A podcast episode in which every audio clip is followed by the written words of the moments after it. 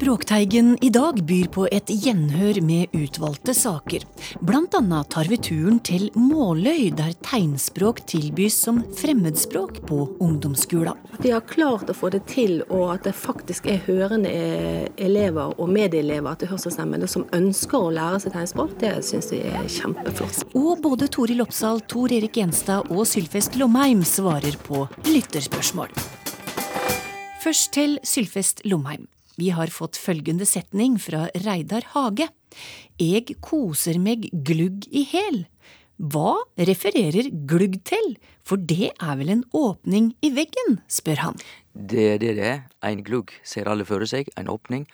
Og det som er sikkert, ifølge ordbøkene, er at å lese glugg i hæl, det glugget, den gluggen der, det er ikke åpninga. Nei. Det er mer eh, Det er truleg i fjernslekt med eksempel gløgg. Og me vil jo si at gløgg er å være intelligent og flink, mm men den opphavlege meininga med gløgg var meir i retning av omhyggeleg, nøye og omtenksom. Altså ordentlig. Mm. Og da ligger òg ordet skikkeleg og lure like bak. Og da begynner det plutselig å bli god meining. Eg koser meg skikkelig skikkelig eller ordentlig i hjel. Sverre Larsen har et veldig kort spørsmål. Kort og greit. Har sømmelig noe med verbet sy å gjøre? Nei, det har ingenting med saum eller søm å gjøre. Derimot så kjem sømmelig av et gammelnorsk ord. Sømd, som har med ære og heider å gjøre. Sømd. Medan på gammelnorsk så heiter dette med sy, substantivet heter saumr, altså en, en saum. Her er det bare fryd og gammen, Sylfest, ikke sant? Jo. Hos deg og meg. Ja. Og som innskriveren sier, som heter Kjell Nysted, jeg skjønner fryd, men gammen? Hvor kommer det fra? Hva betyr det? Det er veldig gammelt norsk. Det er rett og slett gammelnorsk. Fordi at på gammelnorsk så heter dette gaman, og det var et ord som både på gammalnorsk og også i nyere tid, betyr moro eller leik eller spel. Mm.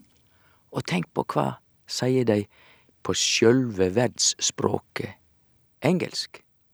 The game is over. Ja. Spelet er slutt. Det er det samme ordet som på gammalnorsk. Gaman. Og eh, dette ordet har overlevd i talemåla. Det er et av de mest typiske orda hvis du dreg opp i Setesdal. Der snakka alle om at dette var mykje gama. Så ordet lever framleis. En, en eh, komiker for tusen år sia, de hadde jo det også på den tida, så ville de kalle en slik komiker for gamansmadder. Det betyr altså en morosam kar. Og Sylfest, her er nærmest et spesialspørsmål til deg. Du som er bevandra i fransk. Ja. ja. Hvorfor kalles en kort visitt for en fransk visitt, spør Asbjørn Øverbø. Og det likte jeg godt, for det kommer sjølsagt ikke fra fransk. Tror du at franskmennene snakker seg sjølve ned? Nei. Nei. Så dette kommer egentlig fra engelske. A French leave. Fren eh, engelskmennene snakker om to take a French leave, og det er da å stikke av gårde, og ikke på en veldig hyggelig, vennlig måte. Og eh, veit du hva hva franskmennene sier. De sier filet à l'anglaise, og det betyr stikk av gårde på engelsk maner. Så de sier akkurat det motsatte. Altså, de snakker om engelskmennene på den måten. Hva er dette for noe? Jo, dette er et universelt trekk vi finner over heile jorda, at det finst i de fleste språk ord og uttrykk som snakker ned naboene. Nabodiskriminering er rett og slett noe av de mest vanlige fenomena vi har på hele jorda.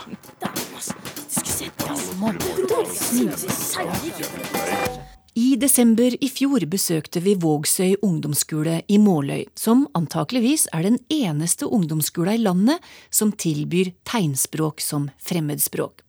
En fjerdedel av elever på skolen har valgt tegnspråk framfor engelsk eller tysk fordypning. Det er veldig annerledes. En må, eh, en må bruke kroppen veldig mye mer. Det er Mye mimikk. En må liksom bruke ansiktet. Så eh, Jeg tror de syns det er litt spennende og litt skummelt. Men du finner den der. Ja, kanskje er det litt skummelt å lære seg å snakke på en helt ny måte. Men tegnspråk er populært og åpner en helt ny verden for elever. Jeg har et søskenbarn som er døv, og jeg kan snakke med han. Men det blir litt sånn gøyere for begge to om jeg lærer meg det. Og så kan jeg liksom ha skikkelig samtale med han. Ja. Sier Sara Cox Kvalheim, som går i 9. klasse. Tilbudet er uten tvil mer spennende enn skummelt. For en fjerdedel av elevene ved Vågsøy ungdomsskole har gjort som Sara. Valgt tegnspråk framfor tysk eller engelsk. Eh, først så hadde jeg engelsk, og så ville jeg prøve noe annet enn det. Fordi det var så likt de andre timene vi har.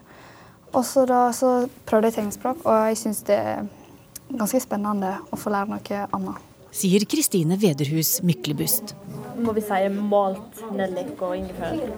I dag skal elever lage pepperkakeoppskrift på tegnspråk. Hvis du vil si malt, så er det sånn at det er malt. Ifølge Døveforbundet er dette de eneste ungdomsskoleelever i landet som har mulighet til å velge tegnspråk som fremmedspråk. Men du må vise at Tidligere i høst fortalte Språkteigen om Nattland ungdomsskole i Bergen, der de skal teste ut tegnspråk som valgfag. Men ved Vågsøy ville de gå grundigere til verks. Jeg tenker at det er ikke et alternativ å ha det som valgfag, fordi at valgfag det er litt mer praktiske ting, mens tegnspråk er et språk. Så jeg tenker at eh, det er likt som alle andre språk. En har ikke tysk som valgfag, så da ser jeg ikke noen grunn til å ha tegnspråk som valgfag heller. Sier tegnspråklærer Katrine Kvalheim Osnes, som har vært ei av pådrivere for å få dette tilbudet på plass. Og hun får støtte av inspektør Edle Iversen. For valgfag det, det føler vi gir ikke den store kompetansen. Vi vet at det tar tid å lære språk, og det går i hvert fall to-tre år før en har fått det litt under huden. Et valgfag kan du velge å ha et år, og så kan du velge noe helt annet. Og da får du ikke, får ikke du det utbyttet av det som du egentlig så du får med et fordypningsfag. Men hvorfor fant dere på å starte med tegnspråk? Utgangspunktet var egentlig at vi fikk, vi fikk elever med, med, med hørselshemming. Og tenkte vi skulle bygge opp et miljø rundt det. Vi har ikke helt klart å få det til. Men men òg at vi fikk kompetansen inn i skolen, var jo alfa og omega. Vi hadde aldri kunnet tenkt oss tegnspråk uten at vi hadde hatt den kompetansen. Så det er de som underviser i faget, må ha en god bakgrunn og en god utdanning for å kunne, kunne få til noe skikkelig. Og mangel på kvalifiserte lærere er en medvirkende årsak til at så få skoler gjør som Vågsøy. At de har klart å få det til, og at det faktisk er hørende elever og medelever til hørselshemmede som ønsker å lære seg tegnspråk, det syns vi er kjempeflott. Sier Kari Larsen, som er rådgiver hos Statped. Fordi at eh, gjennom språklæringen så får man også bedre innsikt i hva det innebærer å være hørselshemmet ute i en hørende verden.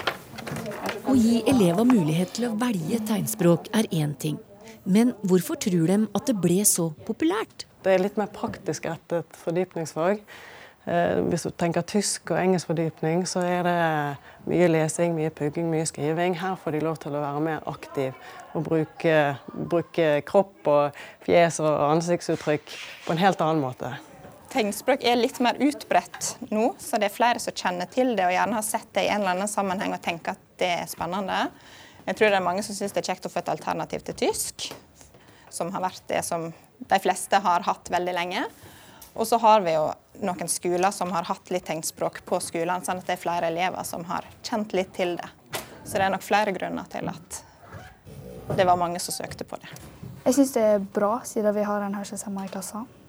Så da syns jeg det var bra at skolen liksom valgte å ta det som et fremmedspråk. Jeg tror de blir ganske glad for at eh, folk kan kommunisere med dem. Så jeg tror de syns det er veldig OK. Og vi ser òg at eh, gruppen som har meldt seg på, er veldig stabil i begge, både 9. og 8. klasse. Det er ingen som har meldt seg av. Sjølve undervisninga er òg helt annerledes enn det de er vant til fra de andre faga. Det er viktig at vi ser hverandre, så vi sitter gjerne i en sånn ring på gulvet for at alle skal se hverandre når vi snakker. Så vi sitter ofte, og Hos oss sitter vi gjerne i en ring på gulvet for å snakke sammen. Og så kan ikke vi skrive Det er jo ikke et skriftspråk, så derfor spiller vi inn videoer. Så når de skal levere inn noe eller har en prøve, så må de spille det inn på video. Tegnspråklærer Katrine Kvalheim Osnes mener valget disse elevene har tatt, kan gi dem fordeler senere. I jobbsammenhenger, hvis de skal jobbe i skole, barnehage, ja, alt mulig egentlig.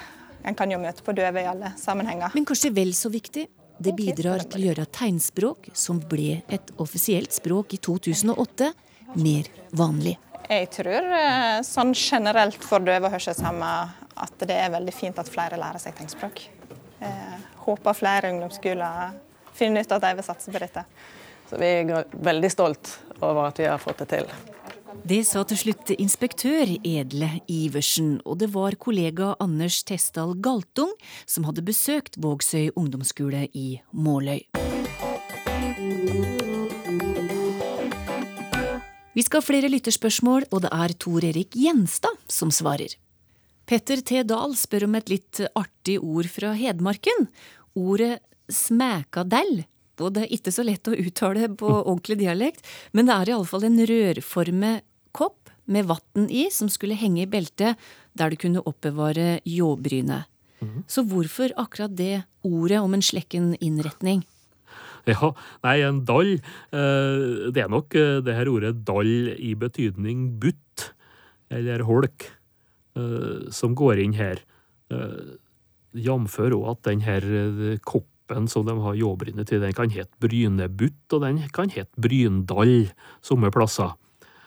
Uh, og smæka her, da, uh, det er noe, noe som heter å smæka ljåen, og det er vel å bryn, rett og slett, eller kanskje òg brynen på en spesiell måte. Hører hjemme flatbygdene på Østlandet. Og det her var Vang. og Jeg kan jo nevne at fra Stange så er det registrert smækabutt om akkurat det samme. Men sistledd er nok denne dallen her som du har i andre ord, som smørdall, for eksempel. Og så ser jeg det at uh, lytteren skriver at far hans, som var fra Nordfron, bruker ordet brynstokk om det samme. Mm -hmm. Og det kjenner jeg faktisk fra Nordmør. Det, det var ordet der òg, brynstokk om den her uh, Smekadalen, eller Smekabutten, da, som henger og dingler attpå hofta, så har du vann oppi. Så det var fast utstyr for slåttakaren. I Hammerfest brukes verbet kraume, skriver Thomas Bartholsen. Det betyr å utføre noe på en klosset måte. Tungvint og tidkrevende utført arbeid, og ofte med dårlig resultat. Men vet vi noe om opphavet til ordet, spør han. Ja, litt veit oss kanskje. Det er nok sammenheng med Altså, det er ei rot her. Ei ordrot som har hatt ei grunnbetydning å krype. Eh, mener de. Så noe mer er det vel vanskelig å si. Det er vel ikke noe for eksempel noe direkte belegg i norrønt, men det er noe gammelt uh, ordstoff, det her. Og kraume, det kan bety, ja, som jeg sier her, å arbeide klønete med stort strev med lite resultat, men kanskje vel så vanlig er at å kraume om å rett og slett arbeide jevnt og trutt. Men det kan jo hende at det blir lite resultat av de òg, da. Og det er nordnorsk uh, først og fremst. Det går litt inn i trøndersk. Men vel så vanlig er nok eh, substantivet en kraum. Og det er? Ja, det er jo da en som strever jevnt og trutt, det òg. Eller det kan jo være en stakkar som får til lite. Men det her substantivet kraum det er nok avleda av verbet å kraume, og det er nordnorsk og trøndersk. Så ser du at det kommer borti en del ordførerråd her som først og fremst hører hjem nordafjells og kanskje òg nedover Vestlandet, men det gjør visst ikke akkurat det her. Er nordnorsk og trøndersk. Bærplukking er inspirasjonen til neste spørsmål, og det er Ulf Kristiansen som tenker tilbake og husker at dem sa at dem hadde døtta bånd når bunnen av spannet var dekka. Er det et typisk østlandsuttrykk, spør han. Ja, det kan en vel kanskje si at det er. Eh, norsk ordbok har det med, faktisk. Eh, at en døtta bånd, eller dytta bånd, og fører opp da Vestfold, Telemark, eh, mange plasser. Og så går det jo over i Agder, eh, en del plasser både i Øst- og Vest-Agder, og så helt bort til Røldal. Det er det vestligste beleiet. Så, men det ser ut for at det kan ha en kjerne da i, i Telemark og Vestfold. Og ser jo blant annet forfatteren Sissel Mørk bruker det. Og hun vokste vel opp i Sandefjord, så vidt jeg vet. Og det er jo det her å, døtte i betydning å, tette tett att eller stappe att med en dott, vel da opprinnelig. Det er vel avleda av dott. Altså det å døtte igjen, og du kan døtte igjen kjeften på folk òg. Men her er det altså å, å dekke eller skjule bunnen. Og jeg kommer jo hodet der, vi bruker jo ikke det ordet det, det som vi kommer fra på Nordmøre, men det var jo om å gjøre å, å, å dekke bunnen i, i et bærspann, og da var det jo en ropa da, at nå har han skjult bunnen. At det var en milepæl på bærturen, det. Ja, og, og, selv med unger, da, vet du, så, så var det absolutt en milepæl. Trenger vi et norsk ord for mansplaining, spurte Språkteigen i februar, og det skapte et stort engasjement. Ordet beskriver fenomenet med at menn har behov for å forklare allting for kvinner, og på Island fant de sitt ord for dette, og det ble kåra til årets ord i fjor. Det er et ord som ble eh, brukt av forfatteren Hartl Helgason for første gang i 2011. Og ord er rotskiring. Og da tenkte jeg at vi kan jo ikke være noen dårligere enn enn islendingene. Vi bør jo ha et norsk ord på det samme. Derfor tok Silje Beite Løken ved den norske ambassaden i Reykjavik kontakt med Språkteigen. Men trenger vi et norsk ord for fenomenet? Vi må finne et nytt ord. Og det, det er nødvendig, tror jeg, at uh, ha et ord for, for, denne situasjonen som mange kvinnfolk finner seg i. Sier forfatter Hallgrimur Helgason, som altså lanserte det islandske ordet i 2011. Men hva er mansplaining? Um, how many of you have heard the word mansplaining? Wow, it's like 50-50. I thought the word was like you know, that it was a virus everybody had, Hvem som uh, lanserte ordet er uvisst, men det dukka opp i USA og er sammensatt av man og explaining. Forfatter og feminist Rebecca Solnit brukte det første gang i boka si Men Explains Things to Me, som ble utgitt i 2008. Fenomenet beskriver hvordan menn forklarer kvinner hvordan verden fungerer, helt uavhengig av om kvinner har like stor kompetanse på området. I 2011 lanserte altså Hallgrimur Helgason den islandske varianten. Det var en kvinne som uh, var ved å skrive en artikkel om uh, på islandsk. og Hun spurte på Facebook har vi ikke noe ord. Vi må, vi må finne et ord. Og ordet ble Rotskiring. Det er laget av to ord. rotur. Som betyr vær, altså hannsau. Og utskiring. Som betyr forklaring men det slo ikke an med en gang. Feminister brukte dem uh, i sin diskusjon og sånn noe, men den var ikke i allmenn bruk. Sier programleder for språkprogrammet Ord av ord og språkkonsulent i Islands rikskringkasting, Anna Threinsdottir. Men så skjedde det noe som gjorde det nye ordet kjent for flere. Som vi vet, så fikk vi en ny president siste år. Og en av dem der først meddelte at han ville blive kandidat, gjorde det mange kvinner rede når han sa at ammende mødre skulle se sine spædbørn i øynene når de ammede dem, i stedet for å være opptatt av samfunnsmediene i sine mobiler. De fleste kvinner ble rett arge over det. Og det ble kalt rotskiring eller mansplaining. Det var plutselig uh, alle det visste hva det var. Og da mansplaining i tillegg dukka hyppig opp under presidentvalget i USA, kom det med på lista av ord som islendingene kunne stemme over som årets ord i fjor. Election, no problem. Are you familiar with mansplaining? You know oh, what that is? Yeah, that's when a man explains something to a woman in a patronizing way. Actually, it's when a man explains something to a woman in a condescending way. But you were close. Kåringa skjedde i Threinsdottir sitt program, og hun syns ordet er genialt. Det er hvis mulig mer genialt enn det engelske mansplaining. Fordi det er mer ironi i det enn det engelske. Man uh, smiler skjevt når man hører det. Og ruter det har også en henvisning til det maskuline, og hvem kan forstå det, den henvisning. Det er sånn med islandsk at det er litt kreativ, et kreativt språk, og man kan hele tiden finne nye ord. og Og når, når det lykkes, så, så, så er man veldig fornøyd. Ja, de er jo kjent for det å ha veldig god språkrøkt. Sier Silje Beite Løken. Og har gode forslag. De har til og med et sånt eget system hvor de finner fram gamle ord som ikke brukes lenger, for å forklare nye ting. Altså de resirkulerer til og med gamle ord. Men de er ikke alltid like flinke til å bruke orda de lager. Det merker man jo når man bor her og forholder seg til islandsk, at de er veldig flinke å komme med forslag, men det er ikke alle som bruker det. Men rotskiring blir brukt. Alle bruker det. Alle kan bruke det fordi det er gjennomskuelig. Man kan forstå meningen av det når man hører det. Så hva kan et godt norsk ord bli da? Ja, værklaring. Eller som Språkrådet har merka seg. Mannsforklaring eller mannsbelæring. Manolog. Manstruering. Forteller seniorrådgiver Ole Kristian Våge. Og så er jo det også et ord som, eh, sånn som forstått det, så kommer fra Språkteigen, gubbedosering. Språkteigen la saken fram på Facebook, og der ble det et fantastisk engasjement for og mot ordet, og med mange forslag. Og forslag kom det òg på Twitter og på e-post. Her er et knippe av forslaga som kom. Først orda som bygger på mann. Da kom mannsklaring, manneforklare, manstruksjon, mannepreken og kommentering.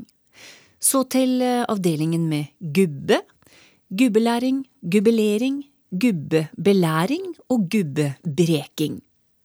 Det kom òg forslag knyttet til dyr, værpreking, steggprating, værmelding og hingstruering.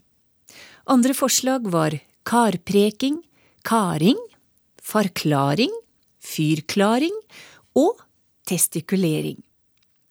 Her er det vel egentlig bare å velge, og så kan en jo se om det er ett eller flere av dem som fester seg bedre enn andre, og om det er behov for et slik ord. Siste bolk med lytterspørsmål i dag går til Toril Oppsal, og da er vi midt i frokosten. For Simon Vigstøl Olesen skriver da jeg smurte meg frokost i dag tidlig og strakte meg etter syltetøyet, så kom jeg til å tenke på ordet tøy. Det er mange ord med den endelsen, men jeg sliter med å finne noen logisk sammenheng mellom dem. Hva er egentlig sammenhengen mellom syltetøy, steintøy, fyrtøy og fartøy, for eksempel? Mm. En uh, logisk sammenheng uh, mellom alle disse begrepene vet jeg ikke om jeg kan gi, men jeg, men jeg kan jo fortelle det at opphavet til tøy eller også ty, som det kan hete, det er tygi. Det er norrønt. Og dette ordet betyr både redskap og utrustning. Og vi har også lignende ord eh, i tysk, Zeug, som gjerne kan oversettes til ting. Eh, så det at dette her er ord som knyttes både til redskaper og det å utføre noe, og utrustning, det man har med seg, gjør at det gir mulighet for å bli brukt i veldig mange sammenhenger. Eh, vi kan kanskje oversette det også med ting, for, for, for å vise dette poenget. At uh, sylteting, det er ting man knytter til det å sylte. Og steintøy, det er ting av stein. Og fyrtøy er ting man bruker i en utrustning til å få fyr på noe. Uh, så det er rett og slett et veldig, veldig allsidig ord som har opphav i noe som betyr både redskap og utrustning.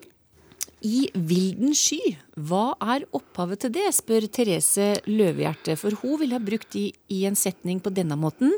Du kommer med forslag i vilden sky, og så ment at forslaga da kom ukritisk og uten sammenheng.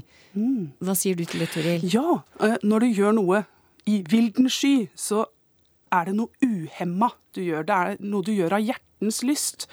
Og i veldig mange tilfeller så dreier det seg om å lage lyd. altså å rope og synge og juble i vilden sky. Eh, og vilden, eller den eh, nynorskvarianten villan sky, dette her er en stivna kasusform. For de som er glad i sånt, så er dette her nærmere bestemt en akkusativ form. Eh, jeg ser ikke noen grunn til å tro at skyen her er noe annet enn skyen på himmelen. Og at denne villskapen blir veldig veldig tydelig for meg hvis jeg nå kaster hodet bakover og roper opp i himmelen. Eh, det Therese spør om her, er om dette her passer om, når man gjør noe ukritisk ja. og uten sammenheng. Ja. Eh, og det ser ut til å stemme ganske godt. Når noe er uhemma og vilt og av hjertens lyst, så blir det sjelden spesielt sammenhengende.